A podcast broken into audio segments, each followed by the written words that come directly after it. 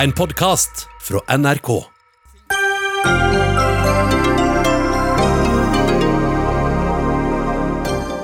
Equinor har tapt enorme summer i USA. Nå vil flere at selskapet skal selge utenlandsvirksomheten.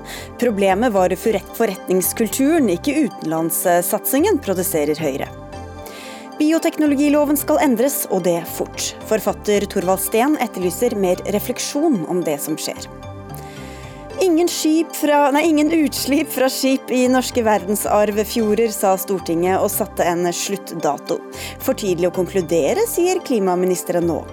Og en lege får ikke lenger skrive ut medikamenter til narkomane etter kontroll fra Helsetilsynet. Vi må behandle rusavhengige som de er, og ikke slik vi vil de skal være, krever Venstre.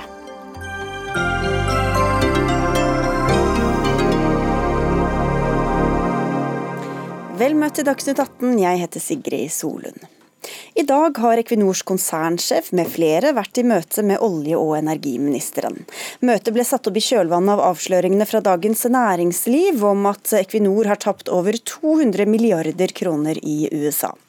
Samtidig tar flere til orde gjennom Klassekampen for å avvikle Equinors virksomhet i utlandet. Og du er en av dem, Marie Sneve Martinussen. Du er første nestleder i Rødt. Men en satsing som gikk galt, hvordan er det et argument for å skrote alt annet som også går godt?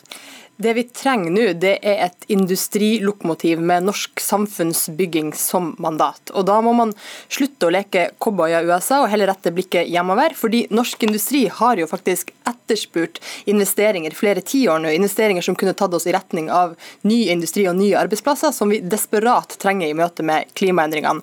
Og Da mener Rødt at vi trenger et selskap som har det mandatet, og som ikke bruker pengene sine og kompetansen sin på investeringer i utlandet. Så for eksempel, hele havvindsatsingen i utlandet, det skal Equinor kvitte seg med, da? Vi mener det er viktig at vi får tilbake et aktivt eierskap over Equinor som fokuserer på verdiskaping i Norge. Så svaret er ja egentlig på det spørsmålet? Svaret er at uh, man helt sikkert kan se på muligheten for å f.eks. dele ut noe av det som ikke er kjernevirksomheten til Equinor i utlandet nå, altså en del av den fornybare satsinga. Det som er hovedvirksomheten til Equinor nå, det er olje- og gassatsinger i utlandet. Og Det vi er mest opptatt av, er at vi får tilbake et aktivt eierskap. For å gjøre det så må man mest sannsynligvis ta Equinor tilbake fra børs, altså kjøpe tilbake Equinor, sånn at man kan få en uh, faktisk styring styring over det selskapet.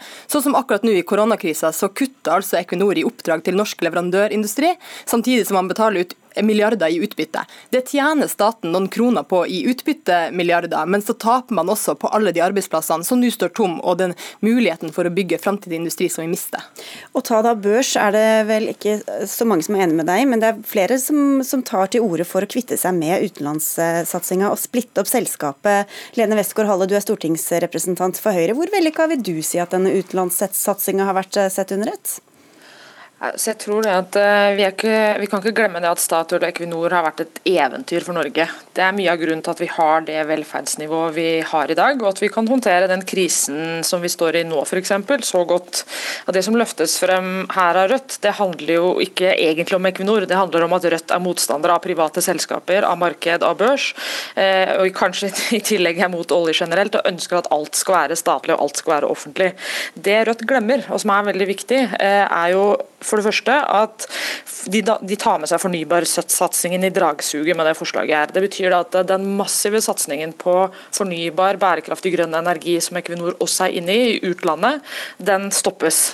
Um, og Potensialet for verdiskaping der fremover er ganske stort. Um, og så får jeg litt inntrykk av at Rødt benytter liksom sjansen nå som Equinor har gjort noe som er eh, for øvrig helt uakseptabelt i USA, og har avslørt en egentlig ganske hårreisende forretningskultur. Så knagger de det på den saken her for å få gjennomført sin ideologi og gjennomført sin linje, som er en sånn kommunistisk tilnærming hvor alt skal være statlig styrt.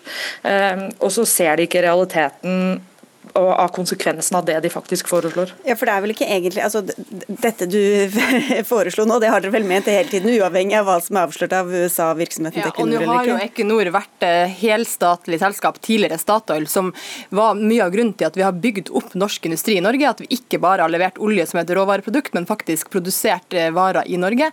Det har vært en strategi som Norge holdt på med på 70-tallet, 80-tallet og 90-tallet, og meg bekjent så var ikke Norge et kommunistisk land på noen av de tiårene. Det er faktisk sånn at vi har hatt en industripolitikk i Norge som har vært helt forsvinnende.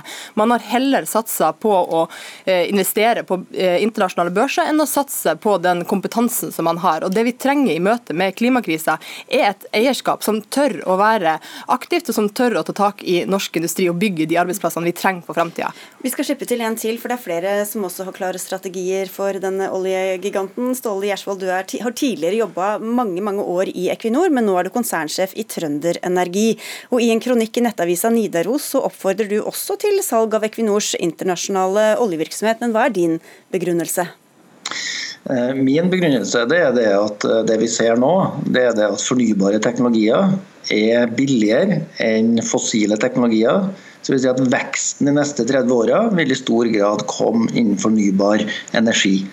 Derfor så bør eh, staten og Norge vekte seg ned risikomessig innenfor olje og satse mer på fornybart.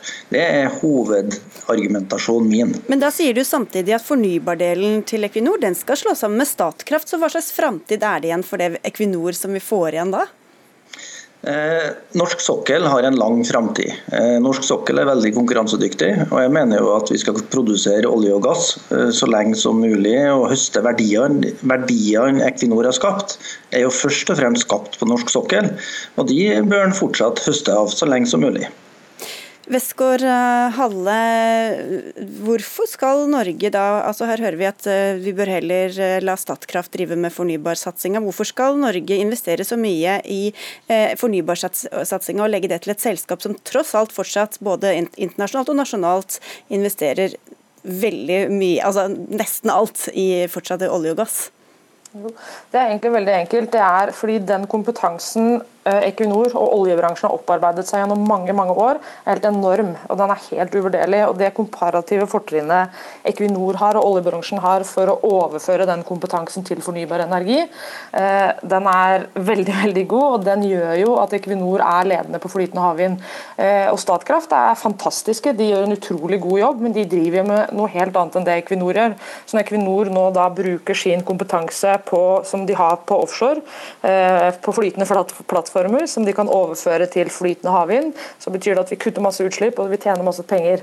Men jeg forstår egentlig Gjersvold veldig godt. Jeg forstår eh, budskapet hans om at vi skal ha flere ben å stå på, og det er jeg helt enig i. Eh, og Det trenger vi å tenke på, og det er jo nettopp det Equinor gjør. Og så har Equinor over en 20-årsperiode tatt veldig mange gode beslutninger, men noen dårlige. Men alt i alt så har siden 2001 Equinor gitt aksjonærene sine en avkastning på nesten 500 så vi kan men, det er ikke bare, si men det er ikke bare i USA. De har jo fått kritikk lenge for andres ting også, miljøskadelig virksomhet i flere land. Det var noen veldig ja. omstridte planer om boring eh, i Australia, eller utenfor Australia, som riktignok nå er eh, lagt på is. Hvor god attest mener du de fortjener for ikke bare USA, men også den andre delen av utenlandssatsinga? Nei, jeg mener at Det er helt tydelig at de har tatt noen beslutninger som ikke har vært gode. og Det fortjener de kritikk for, og det fortjener de eh, å få tilbakemeldinger på. Eh, og Det er vel også derfor de i ettermiddag har sittet i samtale med Tina Bru, olje- og energiministeren. Eh, men alt i alt så gjør Equinor eh, først og fremst ganske gode investeringer som gjør at vi har en velferdsstat og vi har fått inntekter som er helt uvurderlige. og Vi bør bruke den kompetansen og mange av de midlene til å satse på fornybar energi også i utlandet. Akkurat nå så sitter mange tusen mennesker i lokalsamfunn langs kysten og er bekymra for framtida. For den brå koronastoppen i olje- og leverandørindustrien, og for klimastoppen som kommer til å komme for olje- og leverandørindustrien. Da trenger vi som politikere og som samfunn si at den omstillinga skal vi ta i fellesskap, men da trenger vi et industripolitisk verktøy. Og Det er der vi gjerne vil ha med oss både kompetansen og kapitalen som Equinor har. Og nå får vi altså svaret at de skal heller få lov til å fortsette å leke cowboy i andre land, eh, bore i sårbare områder, heller enn å rette sin fulle fokus og oppmerksomhet men, men hvordan vet du at det blir flere arbeidsplasser i Norge fordi om de kvitter seg med utenlandssatsinga? De har jo da brukt 200 milliarder som har forsvunnet. Det er kapital som kunne vært investert Nei, i norsk industri. Forsvunnet. Det er tap som er regnskapsmessig avskrevet. og De har også Nei, investert 800, 800, milliarder totalt internasjonalt. og Når man nå ser f.eks. under koronakrisa at operatørselskapene de kutter i mange kontrakter til leverandørselskapene, f.eks. så er store vedlikeholdsprosjekter satt på vent. Det er For et, eh, for et samfunnsbyggende selskap, Equinor, så ville det vært fornuftig å holde i gang de prosjektene. Men for et eh, børs-Equinor som skal gi avkastning til sine aksjonærer, så er det ikke fornuftig. Vi ender opp med mer arbeidsledighet. Okay, kort til deg til slutt, Gjersvold. Ja, det jeg vil si er jo det at det er jo riktig som eh, Westgård Halle sier, at Equinor har stor kompetanse på, på havflytende havmøller. Men Fornybarbransjen består av mye mer enn det, og Statkraft har en kompetanse. De har drevet internasjonalt i mange år, de har gjort det godt. Eh, og de, de, Deres kompetanse er mye viktigere fremover enn den offshorekompetansen som først og fremst er i industrien i Norge, og ikke i eh, oljeselskapet. Eh, I hvert fall ikke bare i oljeselskapet. Vi har selvfølgelig invitert både Equinor og olje- og energiministeren til oss. De er akkurat ferdig med dette lange møtet hvor styrelederen og konsernsjefen i Equinor har sittet. Tina Bru har nettopp beskrevet på en pressekonferanse som et godt møte, og så får vi se hva mer som blir etterspill av denne saken. Takk skal dere ha alle tre. Eh, Marie Sneve Martinussen fra Rødt, Ståle Gjersvold fra Trønder Energi og Lene Westgård-Halle fra Høyre. Dagsnytt 18 alle hverdager klokka 18. På NRK P2 og NRK2.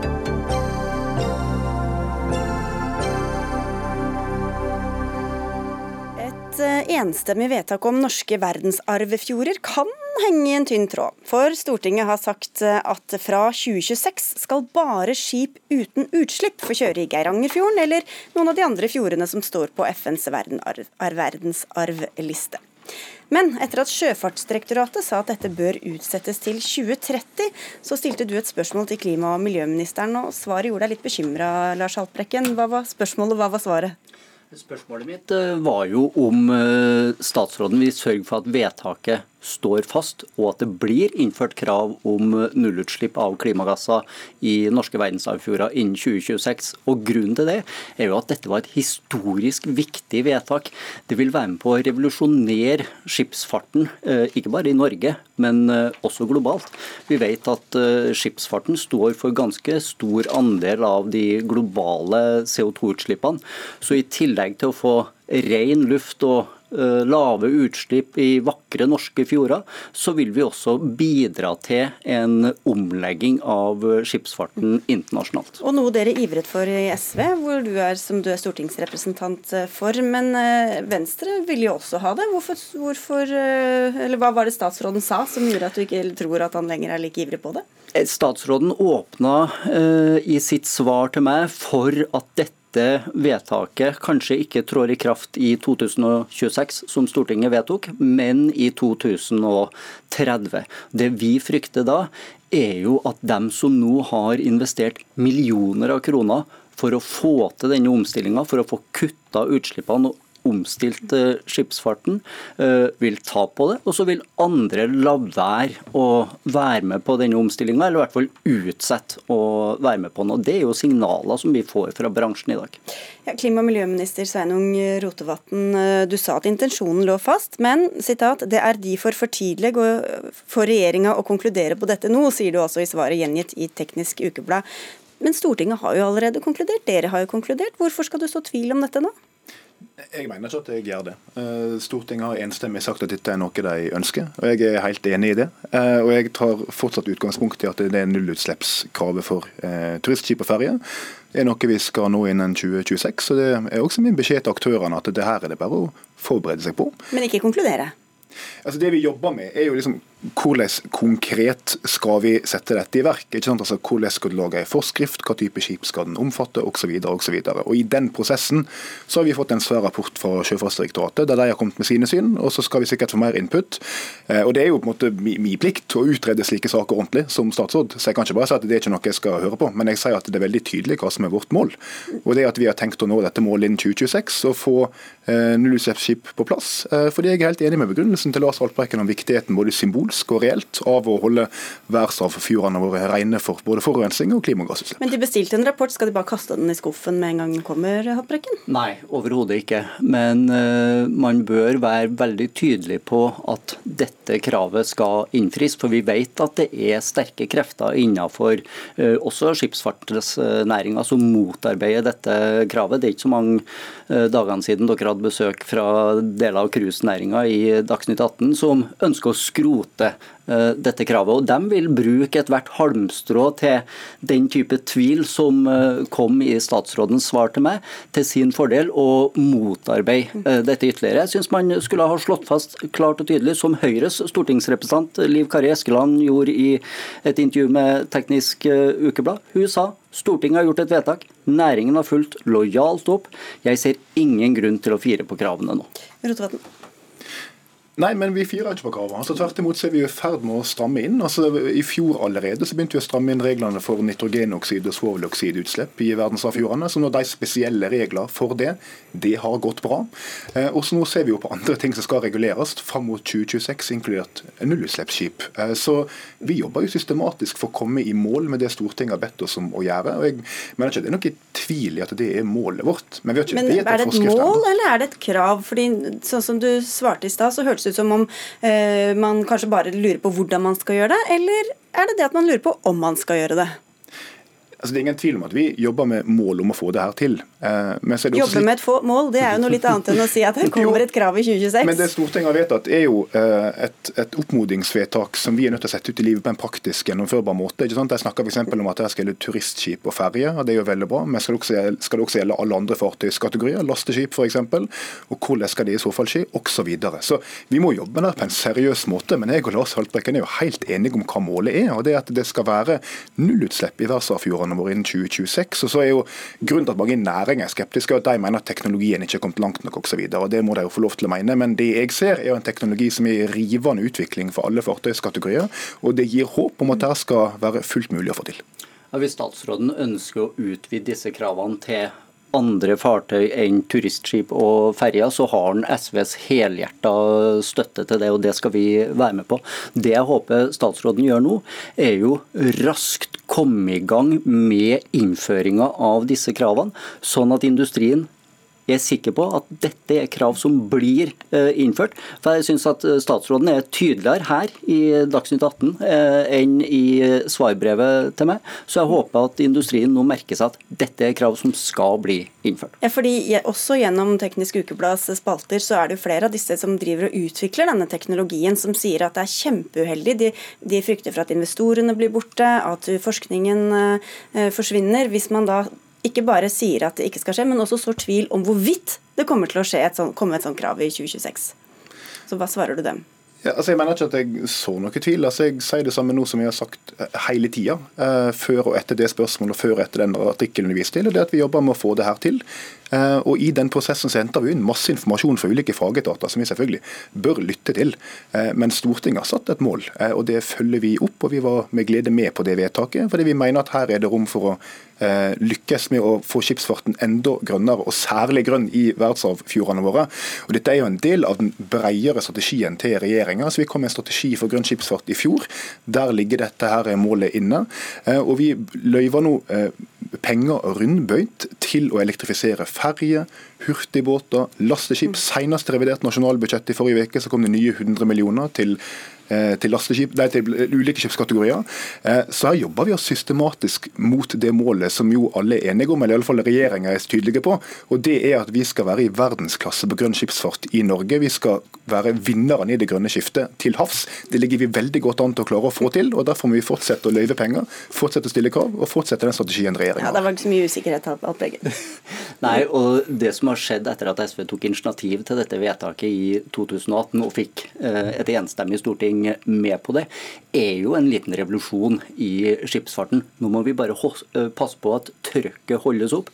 At Korvus batterifabrikk i Bergen, som har investert 100 millioner kroner, eh, bl.a. med tanke på å få til denne omlegginga, klarer å tjene penger på det, klarer å skape arbeidsplasser. og Da må vi skape den sikkerheten. Da må vi holde trøkket opp og si fra om at dette kommer til å komme i 2026. Dere må bare forberede dere. Kan jo nevne at også Norges Rederiforbund kom med en egen klimastrategi i dag, som bl.a. går ut på at norske rederier kun skal bestille skip basert på nullutslippsteknologi innen 2030. Men når er det dere lander på strategien videre, Rotevatn? Strategien er for så vidt klar, den landa vi i fjor. Den er grønn skipsfart, alle segment. Den er veldig offensiv. Men? Ble godt tatt imot. Når det gjelder 2026-krav i verdensarvfjordene, så har vi nå fått en svær rapport eh, fra Sjøfartsdirektoratet. Den skal jeg selvfølgelig lese ordentlig og ikke bare avfeie uten videre. Men målet eh, er tydelig. Det er det målet vi jobber mot. Eh, og så skal vi også høre fra alle mulige aktører, eh, fram til en kommer i mål med en forskrift og kan begynne å regulere dette her i detalj. Men her er både vi og SV enige i målet, og så er vi sikre på at vi har mange dyktige folk i det private næringslivet i Norge som står klare til å utvikle teknologi og satse på å ta grønn skipsfart videre inn i framtida. Vi lar det bli siste ord. Takk skal dere ha begge to, Sveinung Rotevatn og Lars Haltbreggen.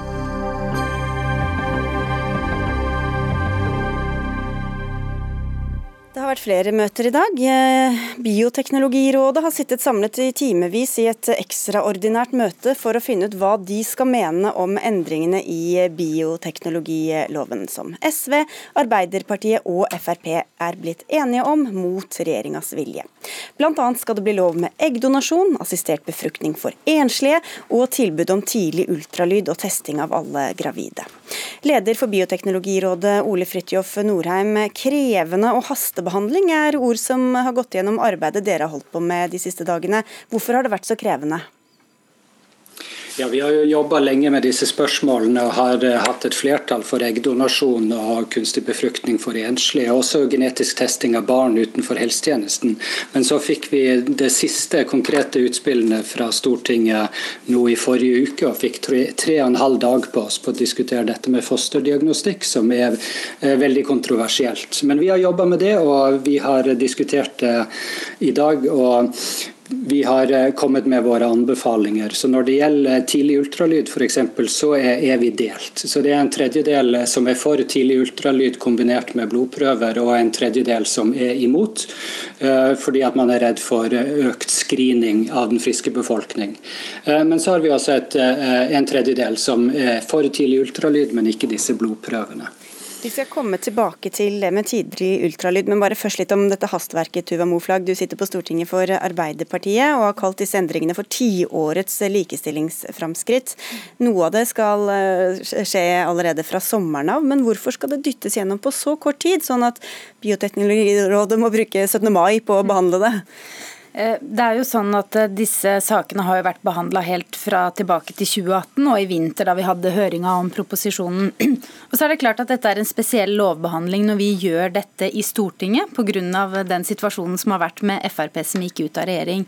Vi ba om lovteknisk bistand fra departementet 20.2 og fikk det første svaret 22.4. Så det er klart vi har hatt et tidspress å jobbe under. Det vi sendte til Bioteknologirådet forrige uke, var for å gi dem en siste mulighet til å mene noe om dette som vi egentlig har signalisert i noen uker allerede. Så det er jo, Jeg skjønner at det er hastig for Bioteknologirådet, men det var for å gi dem en ekstra mulighet til å mene noe. Og Det er vel ikke så mange nye argumenter på noen av sidene her, Norheim, eh, og egentlig ganske midt i kjernen av det dere holder på med, så det var vel ikke så veldig overraskende hvordan dere konkluderte hver ene av dere, eller? Eh, nei, egentlig ikke. Men det er klart at det er, er veldig eh, sterke argumenter på begge sider og mange ulike syn. Så F.eks. på en spesiell blodprøve som heter NIPT, som er en risikofri og, og ganske god genetisk test eh, som eh, kanskje kan erstatte denne KUB-testen i fremtiden. Der er det et flertall for å tillate en slik test, mens noen mener at den ikke må være fritt frem, og at det må være kun ved forhøya risiko. Så det er mange nyanser i anbefalingene som vi skulle ønsker vi kunne fått eh, bedre tid til hvis vi hadde hatt de konkrete forslagene litt før. Og Regjeringspartiene, og særlig KrF, som vi skal høre fra etterpå, har vært veldig kritiske til denne framgangsmåten. Men overlege Tilde Brokke Østborg, du mener som Moflag at den loven måtte komme, at den til og med kom på overtid. Hvorfor det? Jeg tenker at vi i lang tid har hatt en bioteknologilov som ikke har vært uh, i 2020, og som heller ikke er i tråd med folks allmenne rettsoppfatning. Sånn at en lovendring måtte komme. Så jeg tenker at eh, jeg forstår utfordringene som Bioteknologirådet har, men uh, vi kan ikke henge igjen i en gammel og utdatert lov.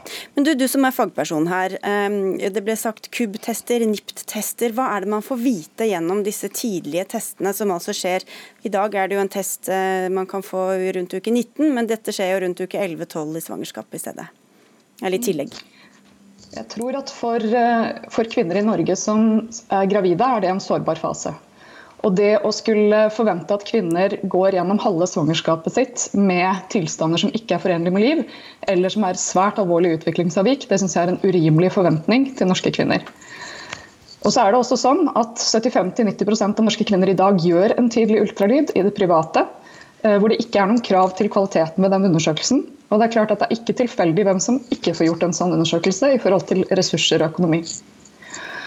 Så er det videre sånn at selv om man kanskje ikke påviser noe hos alle, så er det å skulle forholdes til å være gravid og faktisk vite at det er noe der inne som kan bli til noe, veldig sterkt. Så jeg tenker at eh, det er på høy tid at kvinner får et tilbud som er på linje med det man har i Danmark og i Finland. Men alt dette har altså skjedd eh, ganske fort de siste ukene, og i en kronikk i Vårt Land så gikk flere ut og etterlyste mer refleksjon om disse endringene, og du var en av dem, forfatter Torvald Steen. Og hvilke refleksjoner er det du savner oppi dette? For det første så er det viktig å merke seg at vi som eh, skrev på dette oppropet, vi er fra vidt forskjellige politiske avskygninger. Og eh, vi er fra f.eks. Eh, flere partier på venstresiden og på høyresiden av forskjellige trosoppfatninger. Det vi først reagerer på, er eh, hvor ufattelig raskt vi oppfatter at dette nå skal gjennomføres. Vi er også skeptiske til at dette blir en reell debatt, og vi mangler at samfunnet som helhet får være med på den debatten, og ikke bare en eh, fagfolk, en eh, viss gruppe fagfolk og Stortinget. Vi ville hatt en mye bredere debatt. og det, Når det er snakk om likestilling, at det blir lagt veldig vekt på likestillingsperspektivet, så er det flere av oss som har vært veldig aktive i selvbestemte abortkampen. Men vi oppfatter at dette ikke styrker likestillingen for de av oss i samfunnet som eh, er eh, annerledes, eller som vi nå oppfatter som det er eh, de man skal prøve å, å luke vekk. Altså de av oss som har eh, såkalte kromosomfeil. Og Derfor er det viktig her å ikke være entydig på hvordan man bruker begrepet likestilling. Fordi mange av oss, det blir oppfattet som at det blir signalisert at visse av oss ikke er fullverdig likestilte som eh, de som relativt, regnes som relativt perfekte innenfor dette kjemiske skjemaene. Ja, fordi Den likestillingen snakker du ikke så mye om, Moflag? Nei, Det er helt riktig at når jeg har kalt dette for tiårets likestillingsfremskritt for kvinner, så handler jo bl.a. det om at sæddonasjon har vært tillatt i 90 år, mens eggdonasjon ikke har vært lov. Det handler om assistert befruktning for enslige, og det handler om kunnskap og, og muligheten til å ta et valg som er riktig for seg i svangerskapet. Men jeg syns Sten har veldig gode tilbakemeldinger og refleksjoner rundt dette som vi skal ta med oss videre. Vi mener at dette handler om at kvinnen skal få ta det valget som er riktig for seg og sin familie. Og Det betyr også at man skal få lov til å velge fram det barnet som har et kromosomavvik eller et utviklingsavvik, og at samfunnet skal støtte bedre opp om det. For det vet vi at mange syns er vanskelig allerede i dag, og der har vi en oppgave å gjøre i fellesskap. Men loven skal sikre at bioteknologi brukes til det beste for mennesker i et samfunn med plass til alle, det er det som står i, i lovteksten. Så hvordan skal de som har funksjonshemminger eller syndromer uh, få vite at det er plass til dem, når det da legges opp til et system som vi vet at kommer til å føre til flere aborter av fostre som har eh, funksjonshemminger eller, eller syndromer. En av de tingene som vi legger vekt på da, er at man som gravid kvinne skal få balansert informasjon. Vi har fått historier fra kvinner som sier at de nærmest føler at de har et press om å ta abort når de får denne informasjonen i dag, sånn som det er i dag. Så vi har lagt vekt på i denne innstillinga at vi vil at det skal være mer kompetanse, samtaler man kan ha når man får denne informasjonen, sånn at man kan ta det valget som er rett for seg. For vi vil kjempe for retten til å bære fram det barnet også. Hva tror du kan bli konsekvensene, Torvald Steen? dersom det nå blir da, sånn som det ser ut til en sånn eh, som noen kaller screening eller andre kaller tilbud? For det første så er det eh, veldig ok at man sier at man vil diskutere og se på dette og gå i detalj. Og vil man vil også prøve å være nyansert og gi forskjellige eh, argumenter pro et kontra. Og det er også slik at Eggdonasjon og assistert befruktning er krevende ting så å gå inn på. Det krever jo etter min mening da enda større grunn til at denne diskusjonen skulle vært breiere enn det den nå legges opp til i Stortinget. Men det vi vet, det er ut fra nåværende praksis.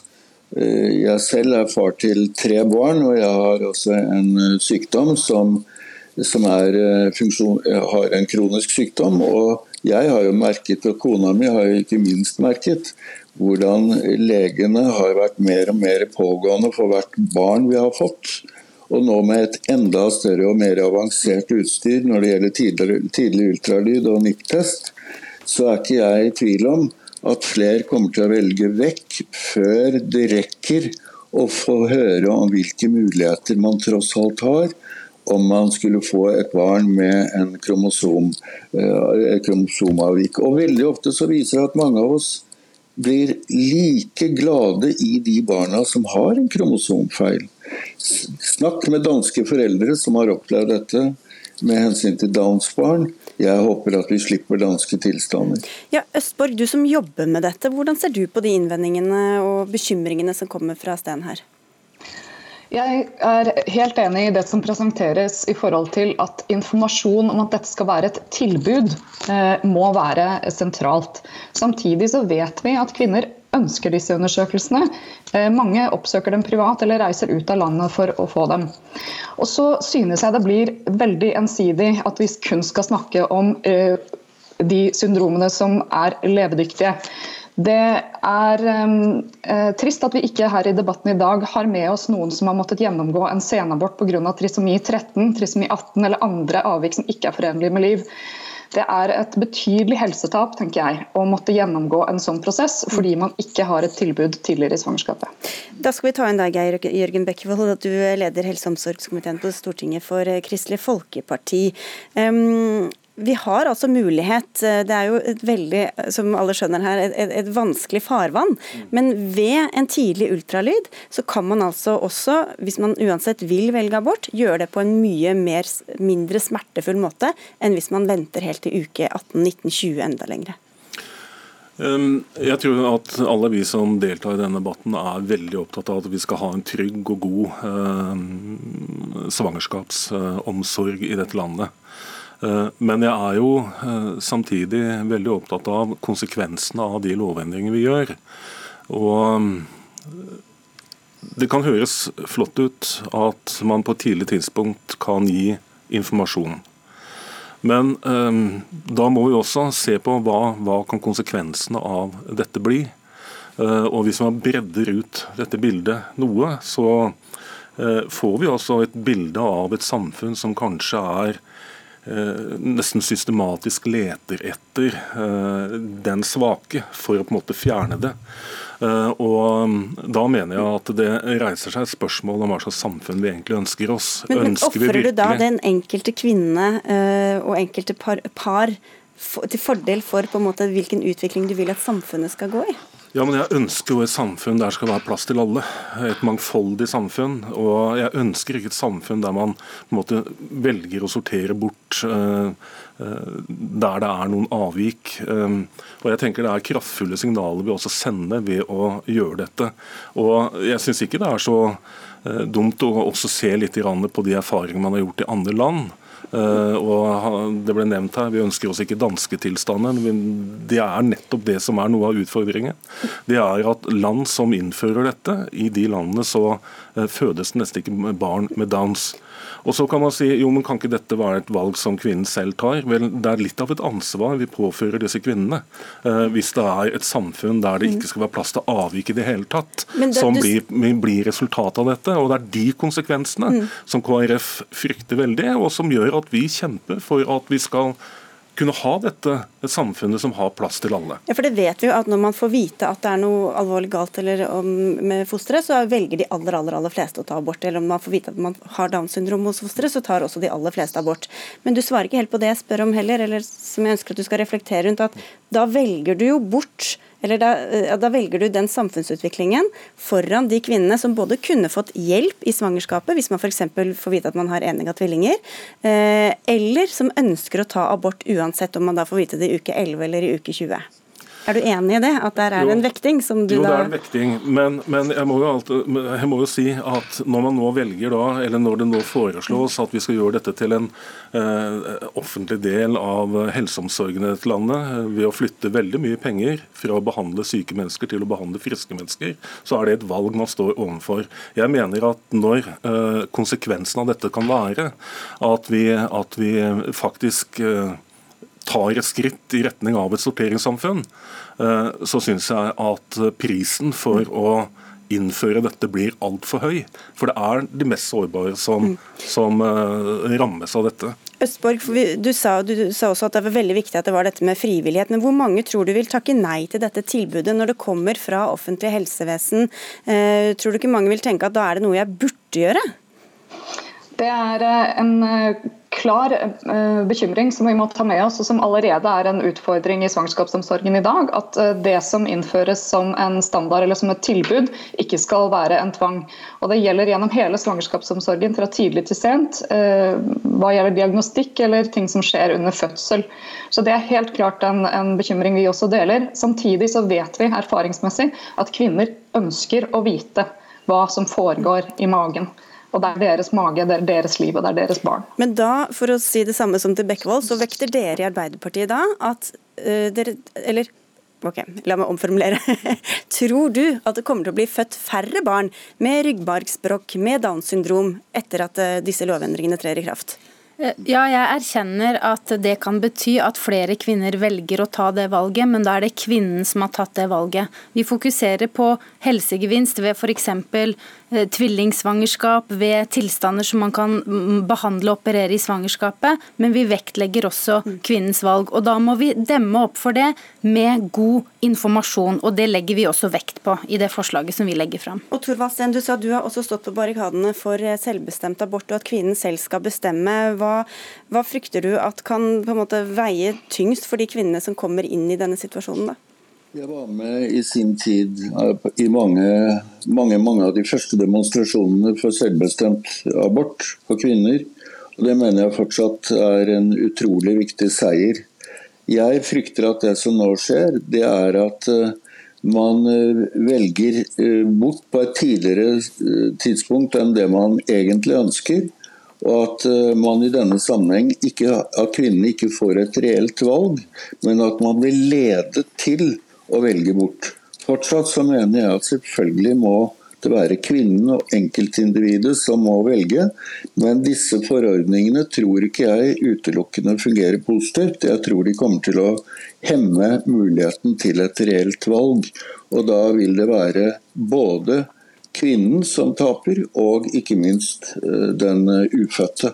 Og Veldig ofte så er det kvinner som blir ledet til å dra til steder som privatklinikker som velger bort, og så viser det seg etterpå at det var ikke riktig valg man gjorde. Men det vil jo endre seg nå, Bekkevold, for de privatklinikkene mange går til nå, som det ble nevnt her, de har jo ikke nødvendigvis den kompetansen som det offentlige helsevesenet og de som er spesialister der har, til å si om det faktisk er noe galt eller ikke med fosteret. Nei, men uh, Dette gjelder jo disse testene også, uh, som man ønsker å, å, gi som et offentlig tilbud til alle. De er jo ikke helt presise bestandig. Uh, men, men uansett så tenker jeg at det er noen etiske problemstillinger her som vi burde ta oss tid til å drøfte. Uh, og, og, Derfor så er jeg litt overrasket over hvordan uh, disse lovene nå både fremmes og behandles uh, i ekspressfart. og Jeg tror ikke jeg i min tid på Stortinget har opplevd at man fremmer lover på denne måten her. Eh, og Det er derfor jeg også har Ja, ok, ja, du glemte deg litt, holdt jeg på å si. Ok, Norheim, kom inn på tampen her. Jeg hadde bare lyst til å si til det Bekkevold sier, at det var mange i rådet som også var kritisk til at regjeringen ikke tok frem disse spørsmålene når lovforslaget kom i fjor. Mm. Så i praksis har man jo lagt, vekt, eh, lagt lokk på veldig mange av disse de veldig viktige diskusjonene som man ikke fikk anledning til å diskutere før akkurat nå. Eh, så vi, vi, i rådet har vel sagt at regjeringen var for eh, sakte og Stortinget for raske i, i denne prosessen. Jeg har, eh, jeg har, fått med meg eh, det de har sagt, både når det gjelder kritikk av regjeringen, men også kritikk når det gjelder denne hastebehandlingen. Men, men jeg må bare få lov til å legge til da, at, at dette var noe som ble fremforhandlet i Granavolden. og Det er grunnen til at regjeringen ikke har lagt fram disse forslagene i denne proposisjonen. Okay, Fordi KrF ønsker å trå varsomt når kommer til slike spørsmål. Ja. Eh, kort. Ja, jeg, jeg fikk mitt første barn i 2008. Allerede da var denne debatten på plakaten, så vi har diskutert dette Ja, men lenge. det er første vil- gangen vi diskuterer lovforslagene. Ja, okay. De er nye. Ja, vi fikk i hvert Ja, Norheim.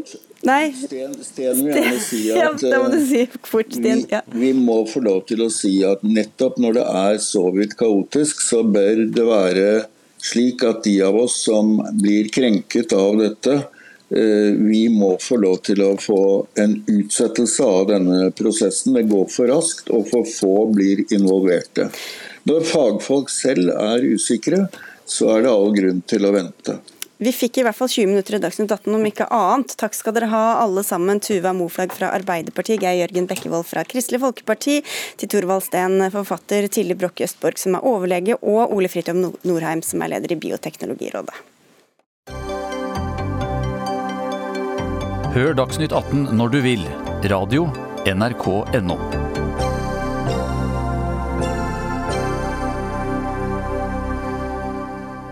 Behandlingsprogrammet Legemiddelbasert rehabilitering, LAR, skal hjelpe rusavhengige gjennom rehabiliteringstiltak og kontrollert bruk av erstatningsmedisiner som metadon eller Subutex. Men er det godt nok tilpasset hver enkelt? Nei, mener flere leger, deriblant du, som har fortalt om dette i VG, Stig Asplin. Du har behandlet mange rusavhengige fram til Helsetilsynet satte en stopper for det nylig. Hva var det som skjedde? Jo, først må jeg si jeg har jobbet i dette feltet i 25 år. Og ikke som solist, men som lagspiller, for dette er et tverrfaglig arbeid. Eh, LAR-behandling er jo det viktigste virkemidlet vårt, og da gir vi eh, medisiner på resept istedenfor at de skal kjøpe seg gatedop. Eh, Men det opplegget vi har innenfor LAR, det er veldig rigid og strikt, og mange klarer ikke følge det. Det vet myndighetene. Derfor har Helsedepartementet eh, finansiert et spesialprosjekt eh, sammen med Kirkens Bymisjon. Eh, og Det går ut på å fange opp de som faller utenfor de vanlige systemene. Den som var spydspiss til dette arbeidet, var Sverre Eika, doktor Sverre Eika, en kjemperessurs innen dette feltet. Han eh, trengte en samarbeidspartner. Han trengte noen å levere pasienter til etter at de hadde jobbet med dem, og det ble meg. Mm. Fordi jeg hadde mye erfaring innen dette. Og hva gjorde du med de pasientene som kom til deg da? Eh, sammen med Sverre Eika så lagde vi et opplegg for disse pasientene for å få dem unna gatedopet. Det lykkes vi med. Og eh, det som har skjedd er at eh, Helsetilsynet har gått og kikket meg i kortene. Og de har bl.a. sett på eh, fem av de mest krevende pasientene. Og de har funnet at denne behandlingen som de har fått, og som har ført dem bort fra gata, ikke er forsvarlig. Vi er jo sterkt uenig i det. Vi mener at det viktigste er jo å se på hvordan det går med pasienten, ikke hva slags resept han har fått. For da er det snakk om at de kan ha diagnoser eller behov for andre legemidler enn de, de som de får gjennom dette LAR-prosjektet, som du da har foreskrevet. Ja, det er det. Mm. Noen av disse pasientene tålte ikke LAR-preparatene, og de ble veldig syke av det. Og det var også mange andre grunner til at ikke de klarte å følge opp opplegget. Vi har vært i kontakt med Helsetilsynet, tilbudt dem å stille i debatt, men de sier at de aldri stiller i debatt om enkeltvedtak. Hvis vi ser litt prinsipielt på det her, Karl Erik Grimstad, du er stortingsrepresentant fra Venstre og har ivra for mer individuell behandling av rusavhengige. Hva er galt med hvordan dette fungerer i dag, sånn som vi hører om da? Altså, individuell behandling det er jo regelen i helsevesenet. Eh, Og Det Sverre Eika og, og Stig Asplin har gjort her, er jo å behandle folk individuelt. Og se, passe, og se mennesker gjennom, eh, gjennom systemet. Eh, Og de har hatt enorme resultater. Og Jeg har også helt personlig fulgt opp dette her med, med Sverre Eika. Hatt hjelp av han til å ta seg av enkeltpersoner i mitt valgdistrikt. Og det, det Og det skal så forferdelig lite til for å overbevise LAR-systemet at, at de er utilstrekkelige. Eh, Ja, hva si det mener på du med måte. Nei, dette, LAR er jo kjent for å være veldig rigid, eh, strengt. Retningslinjene er eh, eh, altså Legene, fastlegene f.eks., er jo forferdelig redde for å, å, å gjøre noe som kan sette de i den situasjonen som Stig Asplin er kommet i nå.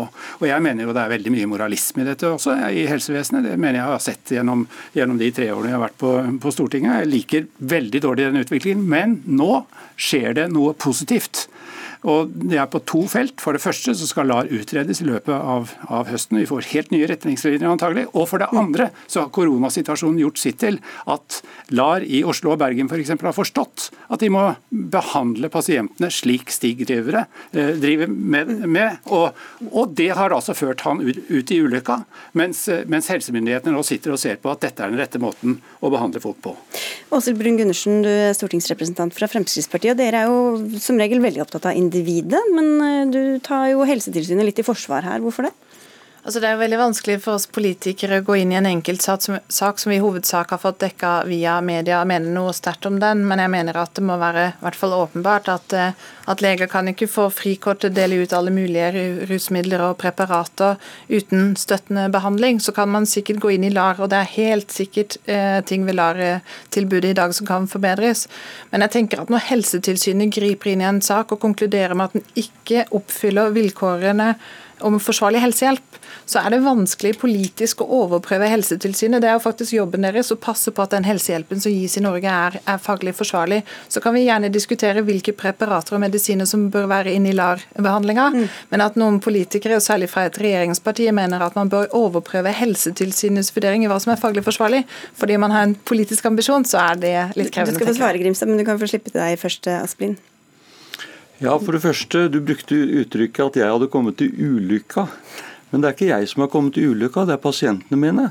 Og Det er det som er fortvilet, det er det som gjør meg fortvilet. fordi at mange av disse pasientene de har ikke fått hjelp i det vanlige helsevesenet. LAR har mislyktes med dem. De har prøvd diverse behandlingsopplegg, og det har mislyktes. Og så har vi hjulpet dem til et verdig liv. Alle sammen bor i leilighet. Det er ingen som er sprøytenarkomane lenger. De lever et, et ordentlig liv. Noen av dem er til og med i jobb. Eh, men dette er altså ikke godt nok for Helsetilsynet. De sitter og teller tabletter og antall tabletter og urinprøver, istedenfor å spørre hvordan det går med pasienten. Det er det som er problemet her. Men er det da Grimstad regelverket eller hvordan det blir overholdt som er problemet? Nei, Jeg mener det er begge deler, men uh, bare for å svare på det Åshild Brun Gundersen uh, tok opp. altså Jeg betrakter jo Bent Høie som en veldig god støttespiller i dette arbeidet. Eh, og Jeg mener jo eh, virkelig at han har gjort underverker eh, i dette. Og det er Frp som er bremseklossen i arbeidet med de rusutsatte i Norge. Og jeg er helt sikker på at når LAR-forskriften blir endret nå i løpet av høsten, så er det til det bedre. Jeg bare håper at leger som har klart å se pasientene sine, som, som andre mennesker ser pasienter og ikke systemer, Eh, de, de, de, vil kunne få en mye friere, eh, mye friere, ordning, som gjør at de er i stand til å, å betrakte disse her og se, se, folk gjennom systemet. Og se folk først, for å gjenta gjenta Venstres eh, valgspråk. Ja, altså Med de signalene fra Venstre så blir det jo veldig spennende å se hva som kommer frem til. Eh, Fremskrittspartiet har jo i årevis tatt orde for at man skal ta mer i bruk Naltrexon, som har vært gjennomført diverse forsøk på helt siden 2012. Det er altså en medisin som blokkerer effekten av rusmidler. Så hvis du har vært gjennom en prosess og faktisk blitt rusfri, så vil det være enklere å holde seg rusfri. Veldig interessant, ikke sant. Fordi det er, dette hjelper jo på folk som er motivert for å slutte, men det er faktisk sånn at det er en rekke rekke mennesker i dette landet, mange tusen, som ikke klarer å komme ut av sin rusavhengighet, og som trenger å få et skikkelig liv, og ikke gå på gata lange eller drive prostitusjon. Og det er de menneskene som Stig Aspin hjelper. Det er altså ikke de, det er ikke de som har nytte av Natrexon eller Naloxon eller hva det heter, disse blokkerende, blokkerende medikamentene. Altså jeg, jeg, betviler på ingen måte at intensjonen her er god, og du kjenner jo pasientene godt og vet hvordan du skal følge de opp, men vi kan jo heller ikke gi helsevesenet frikort til å dele ut ulike medisiner og preparater uten at det er faglig forsvarlig. Men hvis det er det altså pasienten har best av, da, hvis de har en eh, psykose eller ja. et eller annet som gjør at de trenger noen andre medisiner enn det de får eh, via LAR, hva skal man gjøre da? Ja, Da skal man iallfall ikke politisk bestemme at dette er noe enkelte pasienter har best, eh, best hjelp av, men det vi har, har, det er et helsetilsyn som som skal kontrollere og sjekke i kortene at dette blir gjort på riktig måte. og De konkluderer med at det ikke oppfølger krav om forsvarlig helsehjelp. og Hvordan politikere som, som Karl Erik Grimstad fra Venstre kan mene at Helsetilsynet her min, har tatt feil. Min rolle i dette er å ivareta rettssikkerheten for, for mennesker som Stig Aslin, som klarer å se menneskene i dette her. Og Det, det kommer jeg til å følge opp. Og Det, eh, det han nå har av muligheter Stoler du på at Helsetilsynet vet hva de driver med? Altså, han har jo ankemuligheter. Han kan gå til helsepersonellnemnda. Så vidt jeg forstår så er saken oversendt helsepersonell helsepersonellnemnda nå. Og, og er, ikke det, er ikke det på plass, så er det selvfølgelig rettsapparatet som jeg mener men, må inn, må inn i dette. her, og Jeg syns det hadde vært veldig interessant å få en sak for, for retten. For, for da, ville man, da ville man klare å se enkeltpersonene her.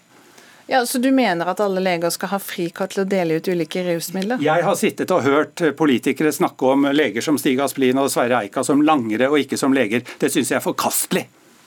Asplin. Jo, men de bruker uttrykket 'forsvarlig'. Men, men, er det forsvarlig å la folk gå til grunne på gata? Det er jo det dette handler om. Det handler om Kirkens Bymisjon, som gjør et fantastisk arbeid. Det handler om Frelsesarmeen, Gatehospitalet, som gjør et fantastisk arbeid. Det som skjer nå, det er at dette har sendt en skrekk inn i disse, disse uh, organisasjonene. sånn at nå tør de nesten ikke gjøre noen ting. Og dette, De som må svi for dette, det er ikke meg. Det er en del stakkarer som ikke får hjelp noe sted. Det er det som er det fortvilt i dette. Og Da ble det sagt at det var noe moralisme til grunn her, Brun Gundersen. Hva svarer du på det? Ja, Jeg har ingen moralistiske pekepinn på dette. Nå har jeg jo bare henvist til hva Helsetilsynet konkluderer med, og jeg føler ikke at det er politisk kan få lov å overprøve det. Det som er viktig, det er å sørge for at de også får valgfrihet på rehabilitering og habilitering. Så når rusavhengige ønsker å få hjelp, at de selv kan få lov å velge behandlingssted, og det har vi innført. Og pakkeforløpet for rus, som vi har vært enige om, det har vi innført. Så vi gjør mye bra på dette feltet, okay, men jeg er skeptisk til akkurat dette. Vi må avslutte 20 sekunder, Grimstad. Ja, Dette er jo altså retningslinjer og det som er fortvilende med LAR. Det er at LAR praktiseres forskjellig rundt hele landet. Og, og, slik at du får reaksjoner fra Helsetilsynet mot enkeltleger for eksempel, som, som man tilfeldigvis plukker ut, eller som blir eh, angitt av sine egne, nær sagt. Eh, eller som på en eller annen måte, man på en eller annen måte finner ut hva man skal ta. Mens andre deler av landet så går altså leger under radaren og hjelper sine pasienter sånn som de skal gjøre det. Sånn som de skal gjøre med kreftpasienter og andre. Og da kan det komme et etterspill her. Vi får bare se hvordan det går. Takk skal dere ha alle tre for at dere kom. Lege Stig Asplin, Karl Erik Grimstad fra Venstre og Åshild Brun Gundersen fra Fremskrittspartiet.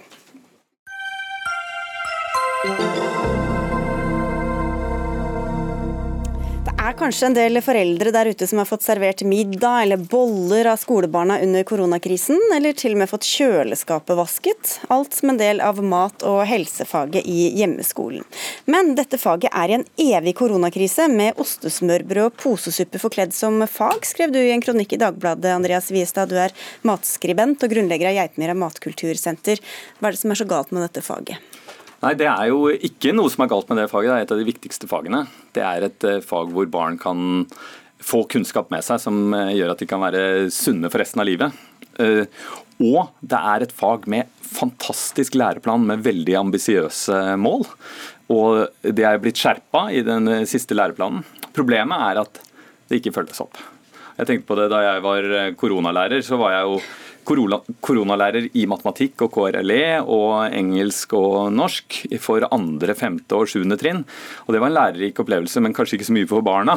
Fordi jeg gikk inn i, i den lærervirket med en utskrift av en, av en mail fra skolen. Og sånn er det litt eh, i mat- og helsefaget for veldig mange barn og veldig mange lærere. Det er veldig mange av lærerne som underviser i dette utrolig viktige faget, som ikke har fagkompetanse. Altså En typisk eh, mat- og helselærer er en lærer i et tilfeldig annet fag som får vite du mangler noen timer i timeplanen din, kan ikke du undervise i mat og helse. Ok. Anja Johansen, du er statssekretær i Kunnskapsdepartementet. Vi hører ofte politikerne snakke om matte og norsk og engelsk, men ikke så veldig mye om mat- og helsefaget. Hvorfor mm. hører vi ikke mer om det? Ja, jeg tror jeg skal starte med å si at uh, Andreas Vistad har langt på vei rett i sin virkelighetsbeskrivelse. Så jeg tenkte en, det er en grei intro fra meg å okay. anerkjenne den så kritikken okay. der. Så det er for dårlig uh, opplæring i mat og helse på sko norske langt, skoler? Langt på vei så, så, er det jo dårlig, fordi at det er det praktiske faget der vi har den høyeste prosenten Eh, av folk som underviser, uten å ha den kompetansen de skal ha i faget. Men samtidig, og nå har jo du sjøl eh, moderert eh, den, de formuleringene du brukte i kronikken din, og sagt at det er mange barn som opplevde sånn, og det er mange lærere som opplevde sånn her i studio. Fordi at eh, Jeg har gjort en, en, rask undersøkelse i dag blant noen mat- og helsefaglærere jeg kjenner. Eh, og Beskrivelsen der ute i Skole-Norge strekker seg jo ifra den virkelighetsbeskrivelsen med å tegne pizza. og lage posesuppe, som var de formulering, til en, en, helt annen beskrivelse med 70% praktisk øvelse, med 30% teori og med så mange timer i strekk at du får både handla og lagd og kost deg og vaska. Eh, sånn at spennet er jo stort. Ok, Så du svartmaler litt da, Viestad? Nei, eh, jeg vet at det kan være helt fantastisk. Vi driver jo med mat- og helseundervisning på Geitmyra òg, og vi ser jo at barn lærer innmari mye. Men det er jo kanskje i det er det mest spesielle faget i den norske skolen fordi det er et fag som, hvor man stadig legger inn nye ambisjoner i en anerkjennelse av at dette er viktig. Vi ser folkehelseutfordringene komme. Det legges inn egne mål om at folkehelse og livsmestring er et tverrfaglig mål. Samtidig så ser vi at det at vi har altfor få faglærte lærere. Det, de tallene er faktisk verre enn de ser ut. Det er 78 eh, som mangler kompetanse i eh, barnetrinnet og over 40 mm. i ungdomstrinnet. Men det er flest eldre lærere som har kompetanse. Det er Yngre lærere mangler det i veldig stor grad. Så dette er et problem som kommer til bare å bli verre. Og, og så er det ingen tiltak for å, for å eh, skjerpe greiene. Nei, for Dere er enige om hvor viktig det er. og du sa Det handler om livsmestring, det handler om helse, det handler om eh, natur, om klima, om eh, jordbruk og det ene med det mm. andre. Så Hva sier du om prioriteringene, at det da er så få faglærte som underviser i det? Mm. Da tror jeg jeg må gå til, til lærerløftet og videreutdanning av lærere. Vi har brukt massevis av ressurser og fått massevis av lærere gjennom videreutdanning i kjernefagene. Og det har vært selvfølgelig ei, ei prioritering. Vi har valgt å prioritere norsk og engelsk og matematikk. Uh, og, og, vi er vel oppe i sånn 22 000 som har fått utdanninga, og det er mange tusen som skal begynne til høsten også.